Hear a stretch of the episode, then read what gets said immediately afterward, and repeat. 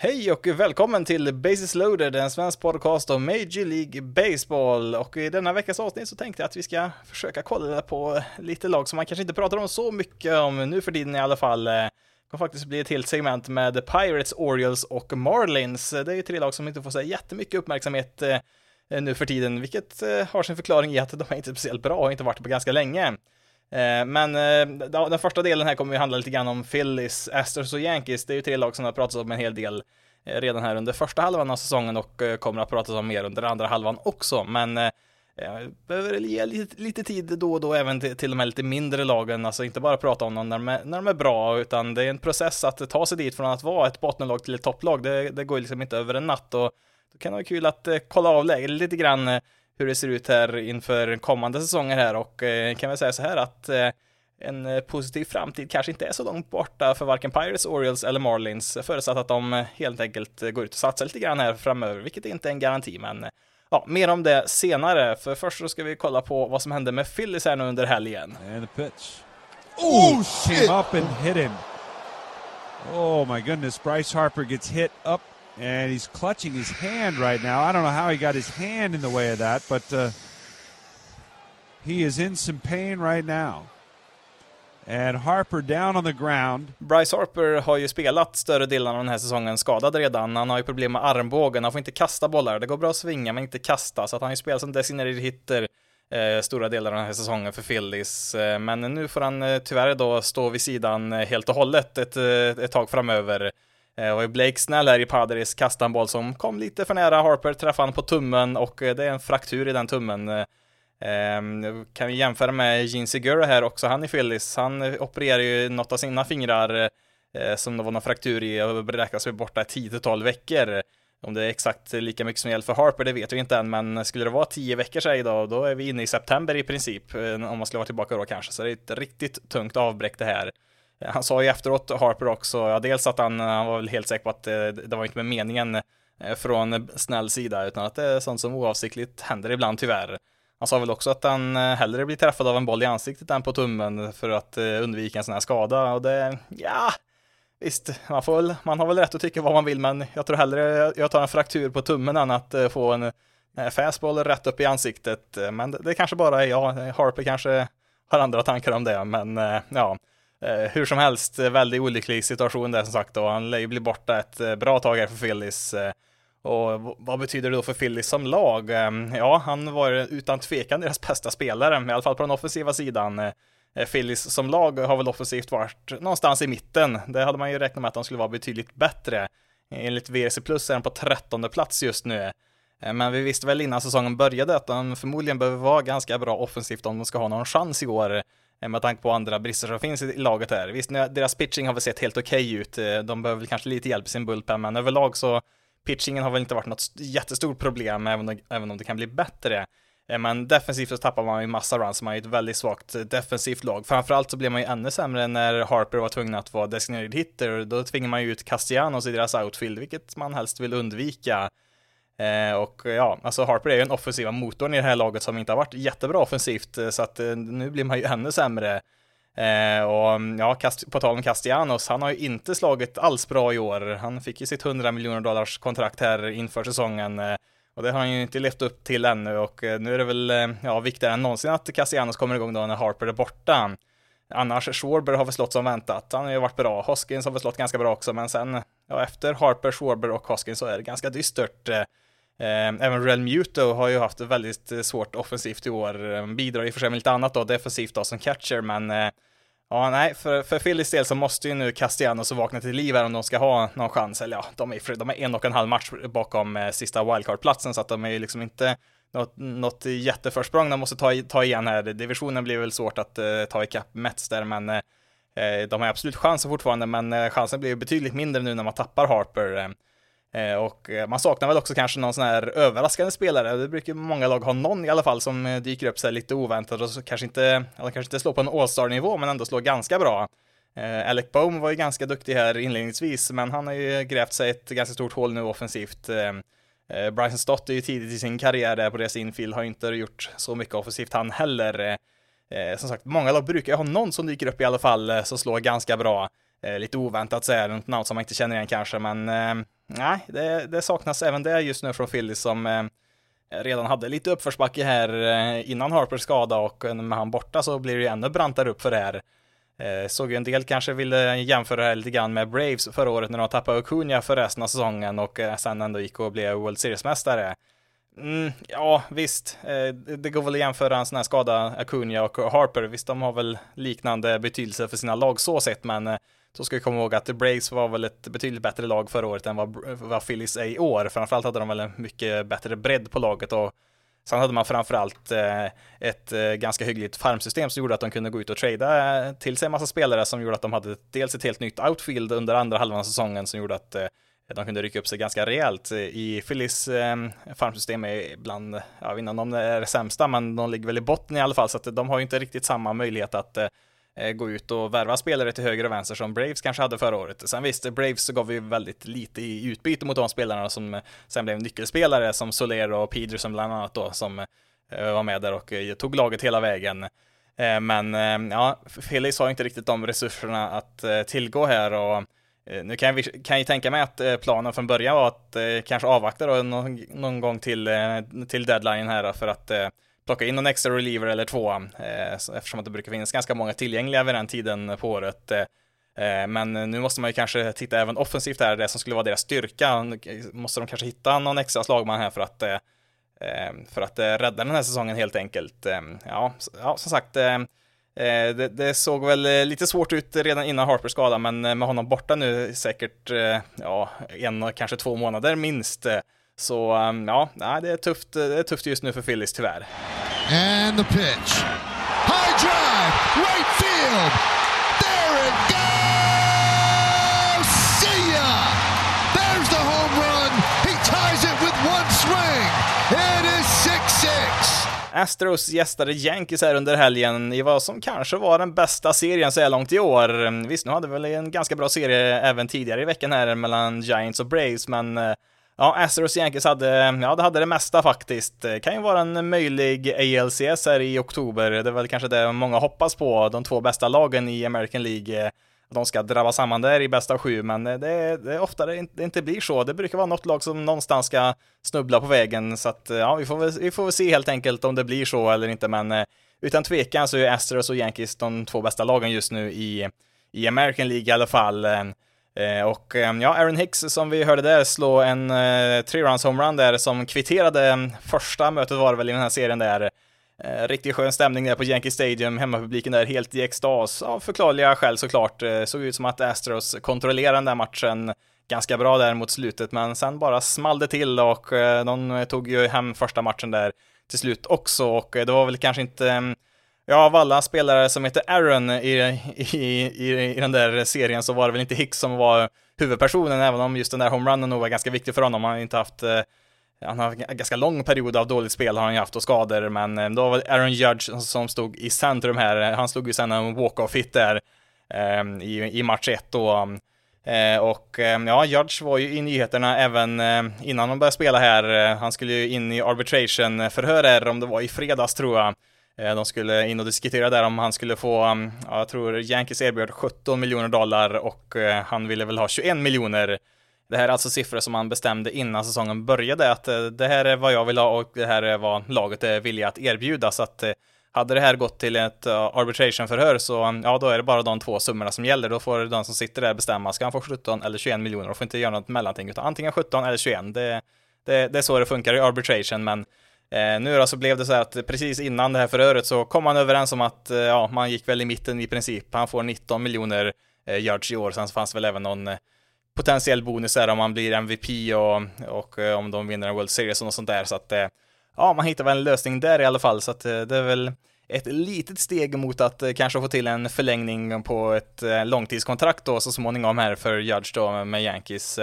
Eh, ja, det, det, är ingen garanti att det blir så. Man kan ju såklart skriva kontrakt mitt under säsong, men eh, får väl se om de kanske väntar. Det är väl vanligt att man väntar till säsongen är över, men eh, då har man inte speciellt lång tid på sig innan eh, spelarna faktiskt blir free agents, eh, eller ja, de blir väl i, i princip free agents direkt efter en World Series är slut där, så att eh, då, ja, då kan ju alla lag börja förhandla helt plötsligt. Eh, men eh, man kan väl tro att eh, Judge har väl spelat till sig ett större kontrakt än det han erbjöds utav Yankees innan säsongen började. Ja, sen får vi se då, det är ju halva säsongen kvar då, så att mycket kan ju hända tills dess då, men som det ser ut just nu så lär ju Yankees få putsa in lite, eller ja, ganska mycket mer pengar om de vill behålla Judge i New York, eller ja, han kan ju, kan ju vara kvar i New York men inte i Yankees, han kan ju hamna i Mets, de verkar ha ganska mycket pengar att spendera. Det, är ju inte helt omöjligt faktiskt att han skulle kunna göra det. Det skulle vara lite roligt, tycker jag i alla fall då, så han kanske inte Yankees-fans håller med, men äh, ja, som sagt, eh, om vi går tillbaka till serien här mellan Astros och Yankees så tog ju Astros då match 2 och 3. Eh, tredje matchen var ju no-hitter, en kombinerad no-hitter. Det var Christian Javier som startade för Astros. Sju briljanta inningskast, så fick han lite hjälp på sin bullpen där också. Och sen så i match fyra här då i söndag så var det en eh, no-hitter, ja det var väl in i femte, sjätte inningen där också så att eh, riktig eh, offensiv torka där för Yankees som annars slagit så himla bra i år men eh, till slut så fick man eh, hål på, eh, på Astros också här eh, och eh, ja, i match fyra här då så var det återigen Aaron Judge som eh, var huvudfiguren här med en walk-off igen eh, i extra innings den här gången. Eh, och ja, som sagt, det hände lite allt möjligt i den här serien och lite Lite dråpligt också, Glaber Torres, han stukade väl foten i princip i slutet av eh, sista matchen här. Han stod, eh, han stod en bit ifrån eh, och var tredje bas och stod väl och fintade lite där att han, att han kanske skulle springa eller inte och så rätt var det så trampade han fel där och blev liggandes och så ja, kom de ju, kastade de bara dit bollen och så brände ut han där och så var inningen över. Eh, som sagt, eh, ja, det, det hände lite allt möjligt i den här serien. Eh, eh det var ju också väldigt het stämning på läktaren. Ja, det, det har väl alltid varit när Astros varit på besök på Yankee Stadium sedan eh, sign-stealing-skandalen uppdagades. Framförallt är det ju Altuve som buas ut där. Eh, eh, Springer och eh, Correa har ju flyttat därifrån sen dess, så att det är väl främst Altuve som får får vara boven i dramat här då um, och um, ja, det är väl lite oschysst på ett sätt mot honom för att det mesta indikerar ju på att han var väl en av de som kanske inte deltog i det där fusket. Dels säger ju spelarna själva det, att han aldrig var med på det där riktigt och det var ju någon som sen gjorde en, en hel hemsida där han hade gjort ett program som man körde över alla Eh, alla Astros tv-sändningar eh, för att kunna registrera alla de här dunkningarna som kom då när de slog på den där soptunnan bakom Astros eh, dugout och där kunde man mycket riktigt se att när Altuve var uppe och slog så var det i regel inga, ja väldigt sällan i alla fall, de som stod där och dunkade och att han då inte han, han var helt enkelt inte en del av, av det där och indikerade det mesta på i alla fall, men ja, det, det bryr sig inte Yankees-publiken om så speciellt mycket skulle jag tro. Eh, det är också lite känsligt att Altuve blev MVP just det året, 2017, eh, när det här fusket var som störst där och eh, tvåa i omröstningen det året, det var ju just Aaron Judge, så att de är väl lite bitter av en anledning där, Yankees-fansen. Sen så kan man ju samtidigt fråga sig om samma Yankees-fans är lika upprörda över Marvin Gonzales som också var en del av det där Astros-laget 2017 och kanske hade sin bästa offensiva säsong i karriären just det året. Lite misstänksamt ändå får man ju får jag ändå säga med tanke på vad som försiggicks just det året. Eh, han är ju numera en Yankee-spelare så att eh, jag vet inte riktigt om de står och burar ut sin egen spelare lika mycket som de gör Altuve där men eh, ja, det, allting är väl kanske inte så himla logiskt varje gång när det är så mycket känslor som är inblandat. Men ja, hur som helst, en riktigt bra serie här mellan de två bästa lagen i American League. Tar två matcher vardera och det mest, det mest fantastiska i den här serien eh, tycker jag, mm, ja, förutom Judge två walk-offs då kanske då, men eh, rent statistiskt sett eh, så kastade Yankees pitchers noll kast med en ledning i den här serien. Alltså antingen så kastar de med, med underläge eller eh, med oavgjord ställning då eftersom att eh, Yankees båda vinster då i den här serien kom via walk-offs. Det, det, ser man inte heller varje serie direkt skulle, skulle jag gissa på. I alla fall inte en serie som delas då 2-2 som det blev här.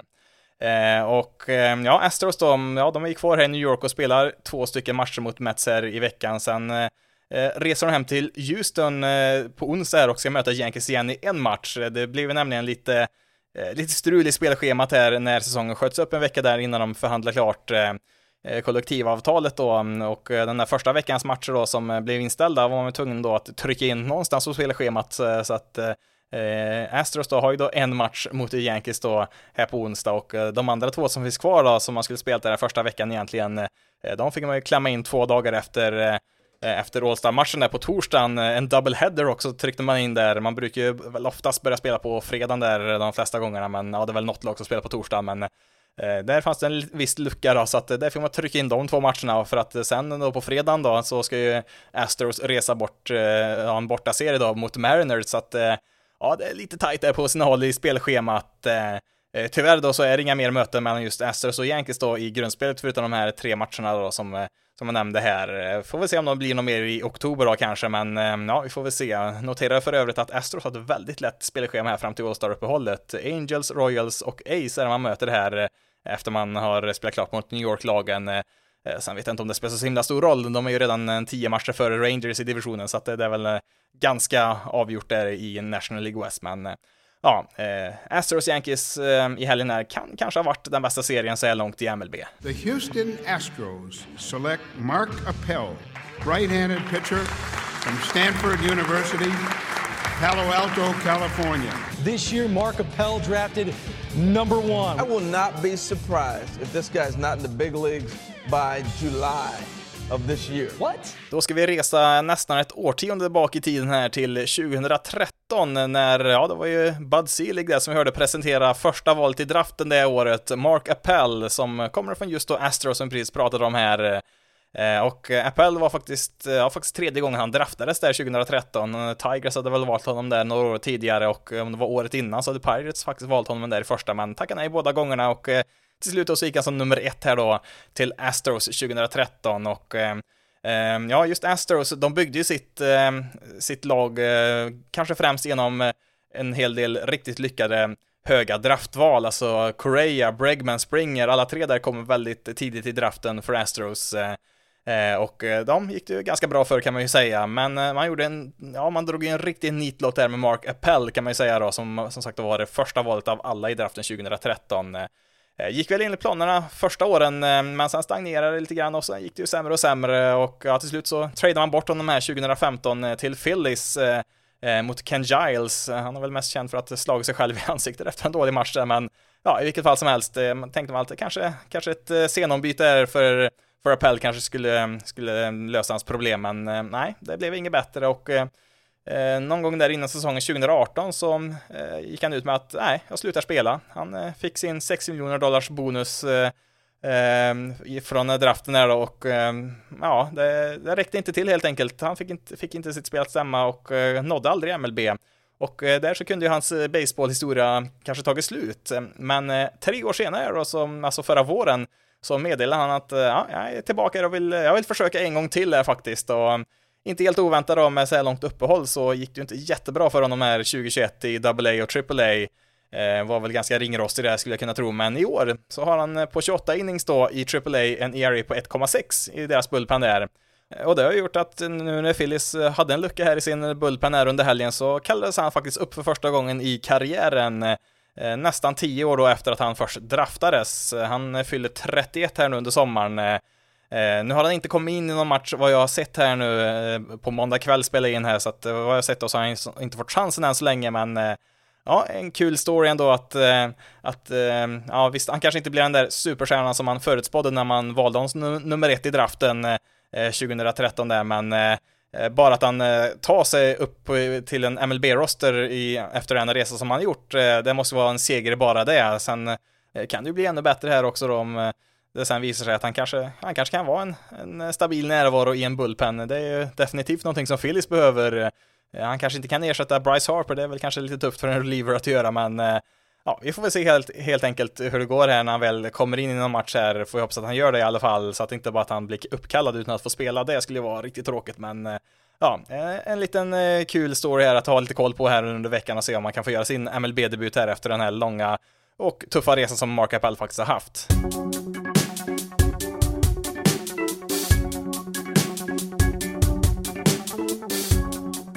Då tänkte jag ta lite grann här om Pittsburgh Pirates, Baltimore Orioles och Miami Marlins och eh, din första reaktion då kanske är varför då?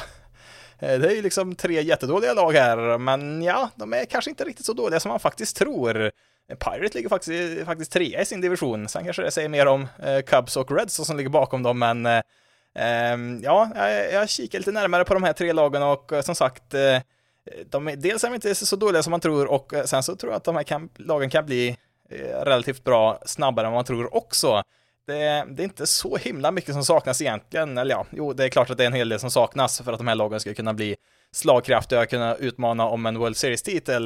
Det, det kommer väl kanske ta en liten stund, men det krävs egentligen, tror jag inte det krävs så himla mycket för en del av de här lagen att eh kunna ja, man i alla fall kunna irritera de lite bättre lagen och kanske hota med slutspelsplats ganska snart, kanske till och med redan nästa år. Men eh, då krävs det ju att eh, man satsar lite grann kring de här lagen, vilket inte har varit eh, eh, någonting som man har varit villig att göra på ganska länge i något av de här lagen. Eh, en del har väl i princip aldrig satsat speciellt mycket egentligen, i alla fall när det gäller eh, den finansiella aspekten, men eh, ja, vi börjar med The Pirates här då, första utav de här tre, så Eh, ja, det har ju varit tufft eh, som sagt. Eh, det var väl för en 8-10 år sedan där när man hade lite framgång där och var i slutspelet några gånger. Sen hade man väl inte varit i slutspelet på en 20-25 år innan det, men ja, nu man, har ju man varit, på dekis här i ett, ett tag, men det var väl Ino Saris som jag hört dels på en del podcast och så skriver han en del på The Athletic och där han kom fram till, när han kollade på de här lagen som har blivit World Series-mästare så mm, Eh, behöver man kanske egentligen inte så mycket mer än eh, tre, fyra riktigt eh, bra spelare att bygga runt omkring, alltså spelare som man själv utvecklar då, som man har under rookie-kontrakt som är lite billigare och sen även kontroll då under arbitration-åren där, alltså tänk då med Cubs med Bryant, Bias och, och Contreras till exempel, och så har du ju Astros som vi pratar om mycket här i avsnittet, de har ju Correa, Bregman, Springer, även Altuve, och de utvecklar själva där. Eh, kollar vi på, på de senare åren här, ja, eh, Nationals, Rendone, eh, Turner, eh, Soto, Strasburg finns med där också. Eh, sen visst, nu behöver det inte vara sådana här riktiga superstjärnor som jag radade upp här, visst, det, det underlättar väl såklart, men Eh, ska, ska, man ska väl ändå ha kanske en eh, tre, fyra eh, i alla fall ganska bra spelare där som man kan bygga runt omkring. Sen har väl kanske vissa lag haft fler och det är såklart underlättar om man har fler också, men ja, man kan man börja med tre, fyra i alla fall då, så har man väl kanske en bra start eh, och sen ska man ju då såklart eh, komplettera med free agent-värvningar och kanske även hitta lite spelare som eh, inte är som sagt superstjärnor eller ens all-stars, utan det ska vara spelare som liksom är helt okej okay att kunna spela varje dag, liksom dag in, dag ut man ska liksom ha en roster som håller bra över 162 matcher, så att då behöver man lite breddspelare också såklart som kan hjälpa till för att fylla ut en roster och kollar vi då på Pirates då, har de de här spelarna som man kan bygga runt omkring då? Ja, vi kan ju börja med de enda två spelarna som faktiskt har garanterade kontrakt över nästa år. Det är Brian Hayes och Brian Reynolds och eh, det är väl en bra start i alla fall. Eh, Hayes är en potentiell superstjärna, har väl inte riktigt eh, kommit igång så här tid på karriären än. Reynolds har ju varit en All-star redan en gång, har väl inte riktigt spelat så bra i år, men där har man i alla fall två stycken sådana här stöttestenar man kan bygga runt omkring och det som är extra viktigt här är att båda två har ju kontrakt över minst tre år till. Reynolds har tre år och jag tror väl Brian Hayes har ju ett par år till efter det. Ehm, men ja, det har vi ett par spelare i alla fall att börja bygga kring, men man behöver ju ett eh, par till kanske och eh, det kanske har varit eh, svårt om man följer MLB att undvika O'Neill Cruz två meter lång jätte, alltså han är lika lång som Aaron Judge, inte lika bred, men han är alltså två meter lång och spelar shortstop. Det, nej, det ser man inte var varje dag någon med den längden spelar på den positionen.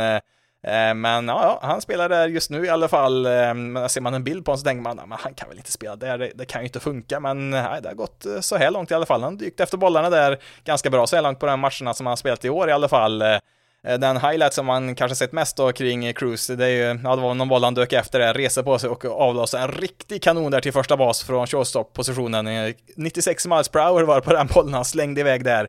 Ett av de hårdaste kassen någonsin utav en Eh, i alla fall av en infielder. Outfielders kan ju få ganska bra tryck på sina kast ibland också när de ska kasta hela vägen hem till hemplattan, men från shortstop eh, till första bas 96 miles per hour. Jag tror väl Tatis har väl en, någon enstaka där som kanske har kastat något hårdare, men eh, det tillhör ju inte direkt det ordinarie att kasta så extremt hårt från den positionen, men ja, det, det, det, finns ju vissa frågetecken om man håller på shortstop. Alltså, vi har ju inte så mycket att gå på när det gäller spelare i den längden, framförallt på den positionen. Eh, men han är, är ju topp 10 prospect enligt eh, vissa listor, så att eh, man tror att han ska vara en riktigt bra spelare och håller han inte i, i på positionen som är shortstop så kan han ju bli outfielder så småningom och skulle det bli så så har man ett ytterligare shortstop prospect som är ett topp 100 prospect också. Eh, Pugero eller Pugero, jag vet inte riktigt hur man uttalar namnet där, men han är väl lite mer defensivt inriktad där och kom faktiskt upp och gjorde en match, hade en hit, en walk där i första matchen för i år och sen så skickar man ner honom till AAA igen, men eh, ja, eh, han, eh, han är 21 år är han ju, så att han har ju framtiden för sig här, så att där, där har vi ju ytterligare ett par spelare som kan tänkas byggas runt omkring och för den som minns draften förra året så var det Pirates som hade första valet och där valde de Henry Davis. Inte spelat så mycket, men han har ju dominerat, i alla fall med slagträt så här långt. Han är ju en catcher, han är 22 år, så att Eh, de brukar ta lite längre att utveckla dem, men han är redan uppe i AA och som sagt, eh, det lilla han har spelat så har han ju krossat motståndet. Eh, så att det kanske inte dröjer någon evighet innan han är redo för MLB heller. Och eh, som sagt, det finns en anledning till att man väljer en spelare med första valet i draften, även om det inte var sån som var klockren just förra året så på första valet. Sen får man tänka, alltså, man behöver lite pitching också och ja, deras bästa pitching prospect är ju Rancy Contreras, eh, 22 år, eh, kom från Yankees i traden med Jamison Tyone. Och då är nästa fråga hur långt är han från MLB? Ja, han är faktiskt redan där. Han inledde säsongen i, i Pirates Bullpen, men är i deras rotation nu. Lite blandade resultat. Han har en ganska låg ERA, men det är väl lite kringlingade siffror där som kanske indikerar på att han kanske inte riktigt är så bra just nu i alla fall, kanske blir det i framtiden. Eh, Eh, sen har vi ju första valet i, i draften eh, 2019, Queen Quinn Priest, är ytterligare en pitcher. Han är ju double A nu, så att han är inte någon evighet ifrån att eh, komma upp här heller. Eh, och ja, det finns även, ja, det finns även lite dugliga spelare, alltså de här breddspelare som man behöver också i, i bra lag. Har ju även eh, Jack Sowinski är lite rolig att ha lite koll på här. Han hade ju tre homeruns i en samma match där för ett kort tag sedan. Eh, får vi se om det blir något av honom också då, men eh, ja, man ska ju komma ihåg att prospects, eh, det, ja, det kan gå åt vilket håll som helst där. Eh, även första valen, kolla på som sagt Mark Appel som jag nyss pratade om. Det kan gå fel med dem också, men eh, eh, det finns ju ändå någonting att bygga runt omkring om vi pratar om de här tre, fyra spelarna som man behöver, så visst, det kanske inte är de här absoluta superstjärnorna kanske. Ja, K. Brian Hayes har jag lite hopp om i alla fall att han ska kunna bli det. Sen vet man ju inte vart de andra landar heller då, men eh, det, det, finns ju där, alltså man, man behöver nu, ja det man behöver nu det är att satsa pengar, visst. Aaron Judge kanske inte kommer hamna i, i Pirates, det tror jag inte någon räknar med. Eh, men alltså, de har väl en payroll på runt, ja, säg 75 miljoner där någonstans. Eh, eh, det, det är inte speciellt mycket och visst, jag räknar inte med att de ska kunna spendera på samma sätt som New York-lagen eller de andra storstadslagen kan göra, men eh, alltså varken Twins eller Brewers eh, är ju placerade i några sådana här enorma världsliga metropoler som kanske New York och Los Angeles är, men eh, de spenderar ju ändå 120-130 miljoner på sina, på sina rosters i alla fall. Eh, det, det är betydligt mer än vad Pirates gör för tillfället. Alltså, ge dem, ja man säger bara 100 miljoner då istället, alltså ge dem deras nuvarande roster plus 25 miljoner dollar det kan man göra ganska mycket med och ja, framförallt om man räknar med olika eh, trader också, om man kan byta en del av sina prospects mot eh, redan etablerade spelare. Det är också en lösning eh, på att bygga en roster såklart och har man lite löneutrymme så skulle man kunna gå den vägen också, inte bara via free agency så att det, det, är inte så himla mycket egentligen som man tycker ska behövas för att det här Pirates-laget skulle kunna vara ganska bra. Sen kanske de behöver ytterligare lite till då för att kunna vara en World Series-utmanare då, men Nej, jag tror faktiskt inte att de är så himla långt ifrån att kunna vara relevanta igen, Pirates, bara de får Eh, rätt verktyg för att nå dit. Eh, sen ska vi komma ihåg att eh, deras general manager är ju Ben Sherrington som han är väl framförallt känd för att kunna bygga ett bra farmsystem. Det var ju han som byggde laget i princip som vann, alltså det Red Sox-laget som vann 2018. Alltså det var han som hittade Mookie Betts, Devers och Bogarts och gänget där. Sen så var han ju, han sparkade innan de faktiskt vann den titeln då, men grunden till det laget, när vi pratar om just den här kärnan av spelare som man behöver utveckla själv, Eh, där byggde han ju kanske en av de bästa vi har sett eh, de senaste tio åren. Eh, så att just den delen är jag ganska duktig på. Sen gäller det bara att han får förutsättningar som sagt att kunna fylla på på resten av deras roster då. Och ja, jag är väl lätt tveksam till att deras ägare Bob Nutting är väl inte direkt populär bland Pirates-fans, är väl ganska snål av sig så, så att jag vet inte om vi ska räkna med det, men de, förutsättningarna finns ju där i alla fall för att de skulle, skulle kunna vara ganska relevanta ganska snart, men vi får väl se här vad som händer. Det blir väl en intressant vinter att följa här när det gäller Pirates, om de faktiskt eh, vågar satsa lite grann eller inte. That ball's belted left center field by Hayes. It's over the head of Thomas. It will score Nevin. It will score Mateo. And I, there's no way Austin's thinking about three. He's going to pull up easily into second. Austin Hayes hits for the cycle in four at bats. Baltimore Orioles outfielder Austin Hayes, hörde du det när han slog för en cycle? Det är väl inte något jätteunikt i sig, det händer ju lite då och då, men eh, lite, lite extra kul just den här gången, eh, det var ju att, eh, ja, eftersom att det ösregnade här i matchen när han slog sin double där som fullbordade hans cycle så bröts matchen där efter sex innings på grund av dåligt väder och det är nog inte jättemånga som slagit för en cycle på bara sex innings och han gjorde det då på fyra fyra bats, alltså en single, en double, en triple och en homerun. Eh, så att det tycker jag var, det är värt att notera här i alla fall, men eh, nu är vi här för att prata om eh, hela laget Baltimore Orioles och då är ju frågan, har de någon kärna de kan bygga runt omkring? Ehm, ja, vi kan ju säga att, ja, dels då Austin Hayes, Trey Mancini, Ryan Mountcastle, Anthony Santander, Ellie Rutschman och Cedric Mullins. Där har du ändå sex spelare som hör hemma på en MLB-roster. Eh, sen visst, nu har inte alla de där slagit så himla bra, mm, eh, eller ja, de har väl så ganska bra, sen har väl Orioles som lag inte slagit så, så himla bra kanske, men eh, ehm, sen får vi komma ihåg att eh, alla de här spelarna har lite varierande eh, tid av kontroll kvar för Orioles. Det är inte så att alla de här spelarna finns kvar i närmaste 4-5 åren. Eh, Mancini tror jag väl är free agent efter det här året om jag inte minns helt fel. Eh, men det är i alla fall sex spelare som inte bara hör hemma på MLB-roster, det är ju sex spelare som alla skulle kunna ha en plats på, ett, eh, på en slutspelsroster också. Alltså, jag säger inte att de skulle vara ordinarie från start i alla 30 lag på något sätt, men eh, jag tror nog att de flesta spelarna skulle nog vara välkomna i de flesta lagen om vi säger så, så att eh, där har man i alla fall en grund att stå på. Sen är det väl i och för sig främst pitching som har varit Orioles allra största problem. I alla fall när man kom in till den här säsongen så visste man att de har svag pitching och sen så åkte John Means på en Tommy John-operation i deras rotation. Och visst, Orioles rotation har varit eh, riktigt dålig i år. Det är väl Tyler Wells där som har kastat rätt okej, okay. sen är det inte så mycket att ha där. Men deras bullpen, alltså Orioles bullpen är bland ligans bästa i år. Topp 5 i ERA och i WAR. Va? Nej, det hade jag nog inte eh, antecknat som troliga händelser för MLB-säsongen 2022, men ja, det är så det ser ut under första halvan av säsongen i alla fall. Så att, eh, ja, en extra liten guldstjärna till Orioles för det i alla fall, och jag tycker väl nog de ska ha ganska många guldstjärnor faktiskt, för att eh, allt som allt eh, så har de ett record på 34-40, alltså 34 vinster i American League East. Det är ganska bra i år. Det är faktiskt lika många vinster som White Sox har just nu. Ett lag som man för övrigt slog i tre av fyra matcher under helgen, nära att man tog sista också där tror jag faktiskt. Så att, Um, ja, Orioles är inte bara kanske närmare vad man tror att vara relevanta igen, de är faktiskt mycket bättre än vad man tror redan i år.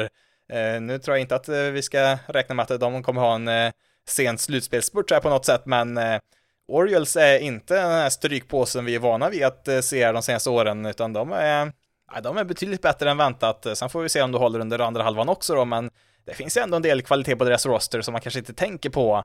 Eh, men om vi tittar då, vad är deras situation inför framtiden här? Är de eh, nära att eh, kunna vara ett slutspelslag igen? Ehm, ja, alltså kollar vi, deras outfield ser ju ganska bra ut. De har ju Hayes, Santander och Mullins. Det är ett stabilt outfield, men tänker du att ja, men vi behöver ett infield också. Ja, vi har ju Mount Castle då, har vi ett antal år kvar där på första bas, men det behövs lite mer. Ja, oroa er inte. Låt mig få presentera Gunnar Henderson, en shortstop eller tredje basman som fyller 21 på onsdag, så vi säger väl eh, grattis i förskott då till Gunnar. Eh, draftad 2019 och har dominerat alla minor League-nivåer, inklusive AAA som är sista stoppet då innan MLB. Visst, nu pratar vi 18 matcher i AAA då, men eh, han har ju en on-base över 400 på de här 18 matcherna, så att det har utan tvekan börjat bra där. Troligtvis även kanske tredje basman på sikt. Eh, men eh, då får man ju tänka att ja, de har ju inte så himla mycket eh, löner här som de behöver betala ut här de närmaste åren. I år betalar man ungefär 85 miljoner och kollar man på garanterade kontrakt för nästa år så är det bara 3 miljoner faktiskt. Sen har man inte räknat in alla rookie-kontrakt och arbitration då, så att det är mer än så, men poängen är att det finns pengar att spendera i Baltimore. De har i alla fall utrymme för det här och då kan man tänka sig att, ja men då kanske vi behöver en shortstop också här och finns något intressant shortstop som är free agent här nu till vintern. Ja, vi har ju Dansby Swanson där, har haft ett riktigt bra år med, med Braves. Eh, han kanske man skulle kunna, kunna locka hit. Eh, men eh, ännu mer intressant, Carlos Correa, han har ju en opt-out på sitt kontrakt med Twins och jag skulle bara vilja läsa en rubrik från en artikel som skrevs i Houston Chronicle 2015 och där kunde man läsa då i rubriken Mike Elias, the Astros driving force behind picking Carlos Correa. Då är ju nästa fråga, vem i all världen är Mike Elias? Jo, han var Astros chefscout när det gällde amatörscouting, alltså high school och college-spelare då som man kollar på inför draften. Där var han då chefen för dem, så att han var ju instrumental till att Astros eh, sen skulle välja Carlos Correa i, i draften. Och eh, vad gör Mike Elias nu för tiden? Eh, jo, han råkar vara general manager för just Baltimore Orioles. Jag säger inte att Carlos Correa definitivt kommer att hamna i Orioles, men jag säger att det, det är intressant information att ha inför vintern. Men pitching då? Ja, det behöver man ju också i ett baseballlag och det har man ju inte så jättemycket just nu i Baltimore. Ja, de har ju en bullpen uppenbarligen, men får vi se hur länge det håller. Eh, men ja, man har ju John Means då, han är, kastar ju inte i år då, han är väl tillbaka till nästa år då efter sin Tommy John-operation, så att där har man väl eh, steg ett klart i alla fall.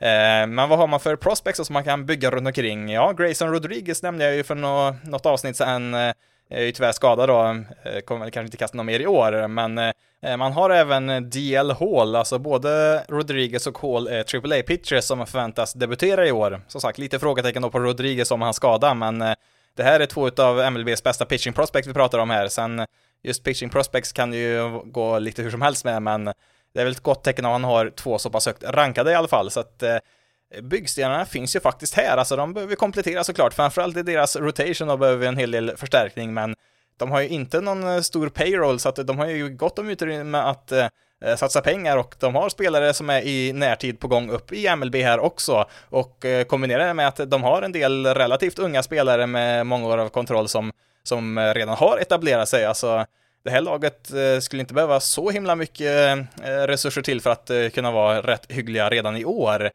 Sen, nu spelar man i en väldigt otacksam division med Yankees, Red Sox, Rays och Blue Jays då, som alla fyra har ganska stora finansiella muskler, eller tre lag här som har, som har finansiella muskler, ett lag som har organisatoriska muskler i Rays kan vi kalla det för, det är väl få som sköter ett lag så bra som de gör, så att de har ju sina fördelar istället där och Ja, det är en eh, tuff division att slå sig fram i, framförallt nu när de andra fyra lagen faktiskt är riktigt bra här och nu och kommer säkert att vara ett tag till här framöver när Orioles eh, eh hoppas på att eh, kunna utmana om en slutspelsplats igen, men eh, återigen, det behövs ju, eh, det behövs ju en rejäl satsning här och tillskott av pengar om det här, om de ens ska ha någon chans att kunna nå upp till toppen här och det räcker liksom inte att ha ett hyggligt lag i den här divisionen för att kunna ta sig hela vägen till ett slutspel.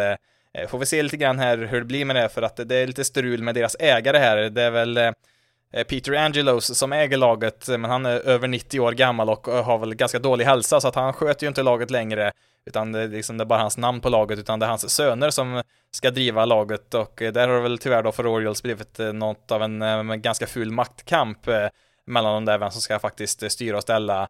För MB kräver ju att det ska vara en person i varje lag som är den huvudsakliga ägaren. Man kan ha flera delägare och så, men man ska ha en person som liksom eh, står som huvudägare som är med och röstar när de har ägarmöten och sånt där.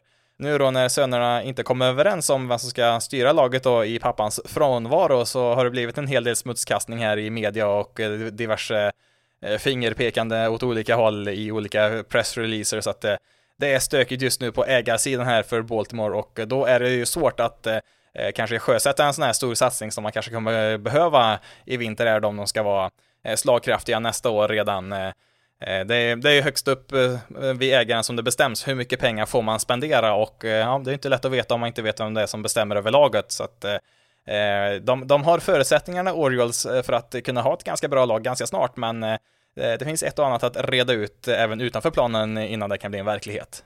Till sist då Miami Marlins, eh, som till skillnad från de andra lagen ändå har varit i slutspel i hyfsad närtid. Eh, visserligen var det ju 2020 där under den här korta pandemisäsongen som man lyckades eh, ta sig in dit, men ja, man var ändå där och vann ju en slutspelserie i alla fall. när det gäller Marlins då på planen här så, det är väl främst deras pitching som man pratat om, har ju varit ganska bra de senaste åren och ja, även i år har de väl varit ganska bra, men de slår faktiskt oväntat bra också. Faktiskt en högre VRC plus än Phillies just nu. Eh, och eh, vad, vad, har de för stöttestenar att bygga runt omkring här då? Ja, det är väl kanske först och främst eh, på mm, den offensiva sidan Jess Chisholm som eh, verkar få sitt riktiga genombrott i år. På väg mot en, eh, ja, fem war kan han nog samla ihop i år. Det är en riktigt bra säsong. Eh, och han har ju kontrakt till 2026, så att det där har man ju en eh, intressant spelare att eh, starta bygget runt omkring. Eh, vi har ju även förra årets succé Trevor Rogers, starting pitcher, som var en All-star och tvåa i årets rookie-omröstning förra året då, har ju haft det väldigt tufft i år däremot, men eh, han visade ju förra året att han har ju uppenbarligen inom sig att kunna vara en riktigt, riktigt vass pitcher.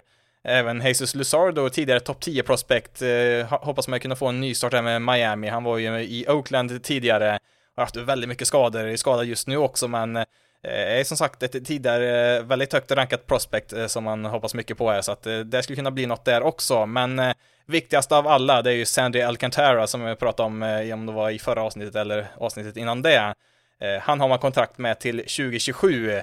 Alltså hade jag haft en, en röst i National League Cy Young-omröstningen så Ja, frågan är om inte jag hade gett den till Alcantara om jag var tvungen att rösta idag. Alltså, han har inte absolut lägst ERA av alla, men alltså, han snittar ju sju innings per start i ett MLB där man eh, nästan är glad om en starter går fem innings. Eh. Alltså, jag vet, jag pratar en hel del om honom här nu på sistone, men jag tycker han får för alldeles för lite uppmärksamhet med tanke på hur bra han är och framförallt hur värdefull han är. Tänk vad mycket innings man sparar eh, sin bullpen eh, bara för att man har en starter som kan gå långt, eh, som eh, Alcantara kan göra och med den kvaliteten som han faktiskt gör det. Eh, sen det har väl säkert med att göra att han spelar i en mindre marknad, alltså Marlins får inte så mycket uppmärksamhet, även kanske när de är bra. Eh, så att eh, det har väl kanske med saken att göra, men eh, hur som helst är, alltså starting pitching är väl kanske det svåraste att utveckla själv och då kanske man inte får en så mycket bättre hörnsten att börja bygga ifrån än Sandy Alcantara här som man har i Marlins. så att man har ju ett, lite av ett guldläge får man säga med honom här i organisationen. Och sen ska vi inte glömma bort Pablo Lopez, i och för sig då bara, eller bara, bara två år kvar på sitt kontrakt efter den här säsongen, men han har ju gått från att ha en ERA på 3,6 2020 eh, till att ha en ERA på ganska prick 3 på 20 starter förra året och så här långt i år på 14 starter är hans ERA på 2,6. Eh, Marlins då till skillnad från eh, Pirates och Orioles kanske redan har på plats den svåraste delen att bygga, alltså starting pitching. Sen visst, det finns frågetecken kring en del av de här också. Men det är ett väldigt bra utgångsläge att bygga ett lag ifrån och Sen så har de ju även många väldigt duktiga rollspelare, alltså kanske inte de här superstjärnorna, men alltså John Bertie, han kan ju spela i princip överallt på planen. Kanske inte catcher då, det vet jag inte, men i stort sett överallt annars har han ju spelat i MLB. Eh, Brian Anderson är väl kanske en av de mest anonyma spelarna på hans nivå. Han är väl kanske strax under All-star-nivå ibland sina bästa stunder, men det är också sådana här bra spelare att ha på en roster liksom. Eh, Joey Wendell, anonym infielder var han i Tampa. Nu är han tradad då till Miami och är lika anonym där, trots att han spelar ganska bra. Ehm, de har 83 miljoner i löner i år. Eh, eh, sen så sen har man ju spekulerat i att ehm, Derek Jeter var ju en eh, minoritetsägare i Marlins, kom in där för några år sedan och skulle väl sköta laget så här dag till dag, var väl tanken där att vara lite ansiktet utåt. Ehm, man spekulerar väl i att han lämnar ju här innan säsongen började, att han kanske inte fick de pengarna han ville att spendera där, att de inte ville riktigt satsa på samma sätt som, som han själv ville där. Och det är väl i så fall ett dåligt tecken när det gäller Eh, Marlins framtid är när de måste börja spendera för att eh, faktiskt ta nästa steg. Eh, de har väl en svag bullpen har de väl, men det, det, kan man ju bygga om ganska snabbt. Det kan man bygga om från år till år, men ja, alltså hade man kunnat fått in ett par relievers här i sig och kanske, ja, kanske behöver ett slagträ till där i sin lineup så är det här laget nog inte bara 500 utan kanske en bit över också. Det är en, det är en svår division att spela i också såklart med Mets, Phillies och Braves.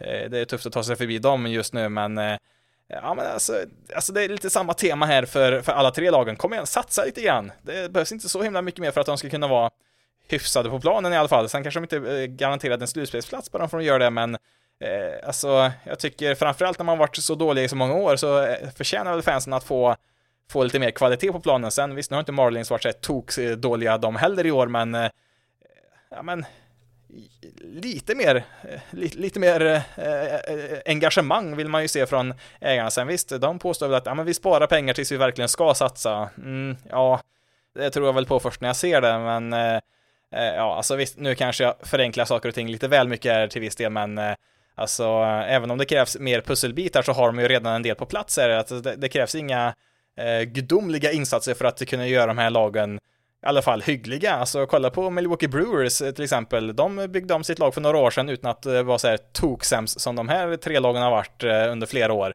Utan de spenderar i alla fall lite pengar och så visst, de var lite sämre men sen så tog det bara något år eller två så var de på en hög nivå igen och ja, nästan direkt så var de ju en, en vinst ifrån att nå en World Series 2018 där, när Dodgers till slut besegrade dem där. Så att det, det går liksom att bygga om laget utan att totalt riva ner allting, Eh, som de här lagen har gjort. Eh, och sen ska vi komma ihåg att det är sällan år ett av en satsning som man faktiskt vinner, alltså man, första året kanske man, ja, man förbättrar sig ganska rejält, man kanske inte ens når slutspel. Sen kanske man når slutspel år två, tre och sen kanske år tre, fyra, fem som man faktiskt går riktigt långt i slutspel. Så att man måste ju liksom eh, ha lite framförhållning. Man kan liksom inte förvänta sig att man ska vara bra från dag ett när man börjar satsa, utan man måste ju plocka in några spelare år ett, några till år två och så vidare, så man måste ju börja någonstans och ja, varför inte börja redan nu till vintern? Eh, kan ju vara bra också att eh, få in lite spelare som man lär känna varandra liksom och få ett, eh, Man han får ju ihop ett skönt gäng liksom, lite, lite skön lagkänsla ska man nog inte underskatta. Alltså, alltså visst, det räcker ju inte med en bra lagkänsla för att gå hela vägen till en World Series, men en dålig lagkänsla kan ju definitivt förstöra en säsong, så att ja, det finns många komponenter som ska gå ihop här såklart, men Nej, eh, jag, jag, tycker väl på ett sätt så finns det ju många saker att se positivt till, till de här lagen då, men eh, samtidigt så är det lite upp till bevis här nu efter att ha varit så här jättedåliga i många år så är det liksom dags att börja försöka nu här. Eh, Tigers har ju gjort ett tappert försök att i alla fall försöka eh, vara bra i år. Sen gick det inte så jättebra, men de försökte i alla fall. Det är mer än vad man kan säga om Marlins, Orioles och Pirates så här långt. Så får vi se om eh, 2023 är året där de faktiskt eh, börjar försöka att göra det.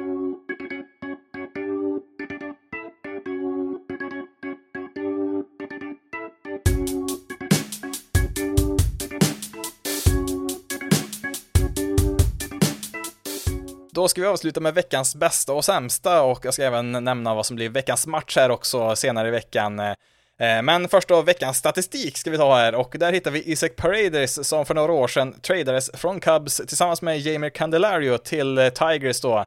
Jag tror det var Alex Avila och Justin Wilson som gick åt andra hållet där, så att eh, ja, lite plus i kanten för Tigers där i alla fall. Den traden lyckades man väl ganska bra med.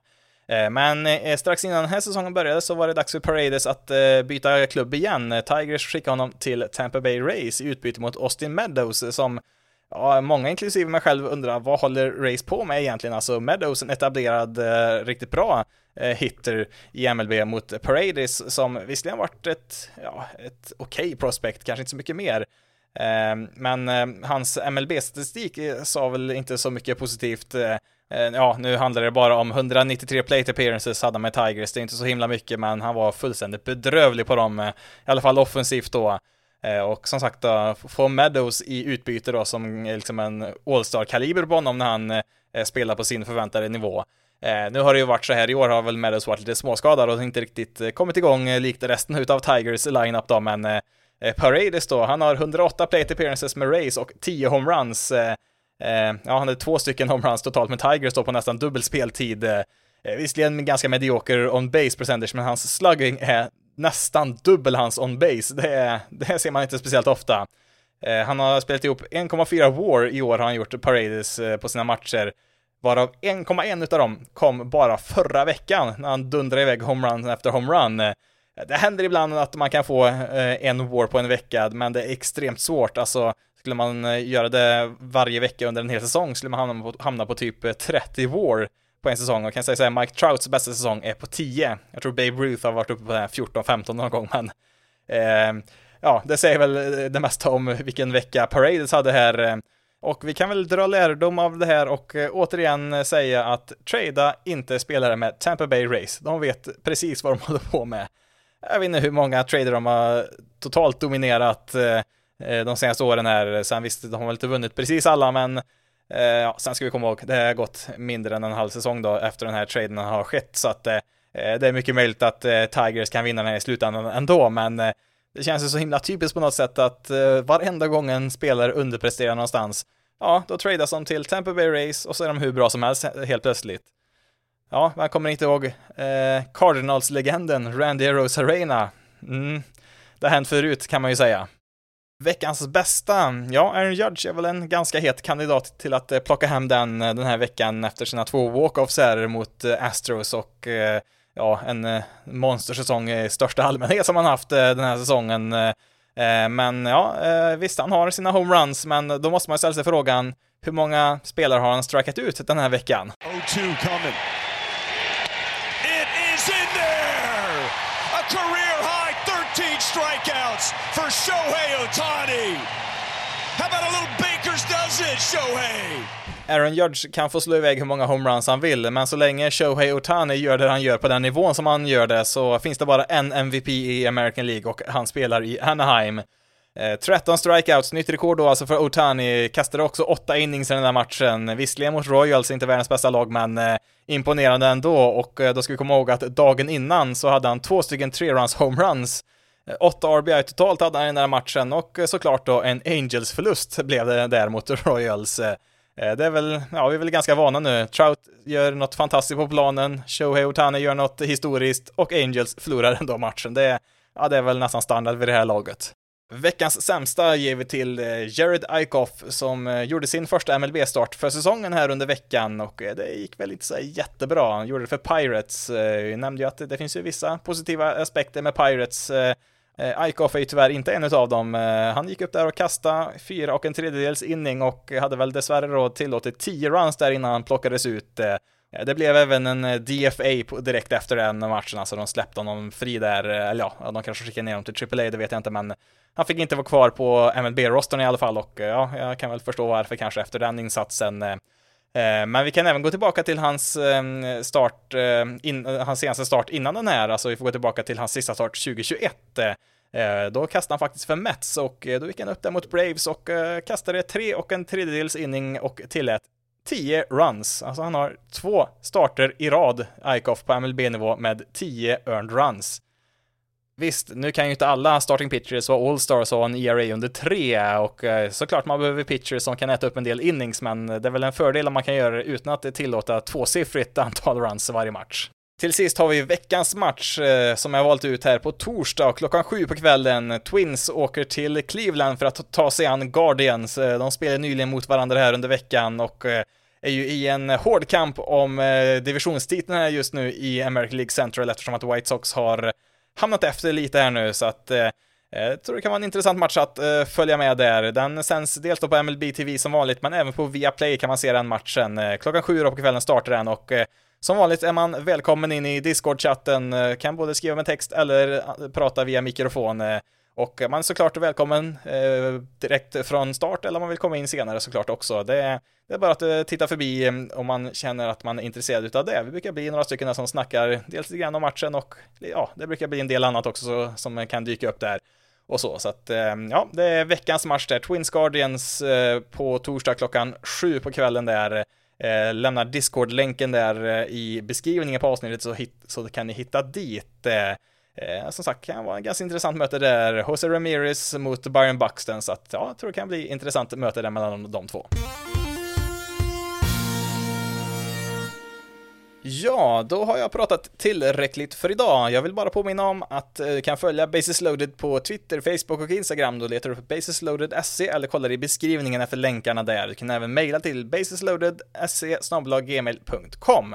Du får även jättegärna sätta betyg på den här podcasten, antingen i Apple Podcasts eller i Spotify till exempel, eller ja, i den appen som du helt enkelt lyssnar på podcasts. Eh, om du har tid, lust och möjlighet att eh, lämna ett omdöme där så vore jag jättetacksam för det. Men ja, det får räcka där. Mitt namn är Jonathan Fabri. Tack så jättemycket för att du har valt att lyssna på detta avsnitt av Basis loaded. Nu får det så bra där ute, så hörs vi i nästa veckas avsnitt.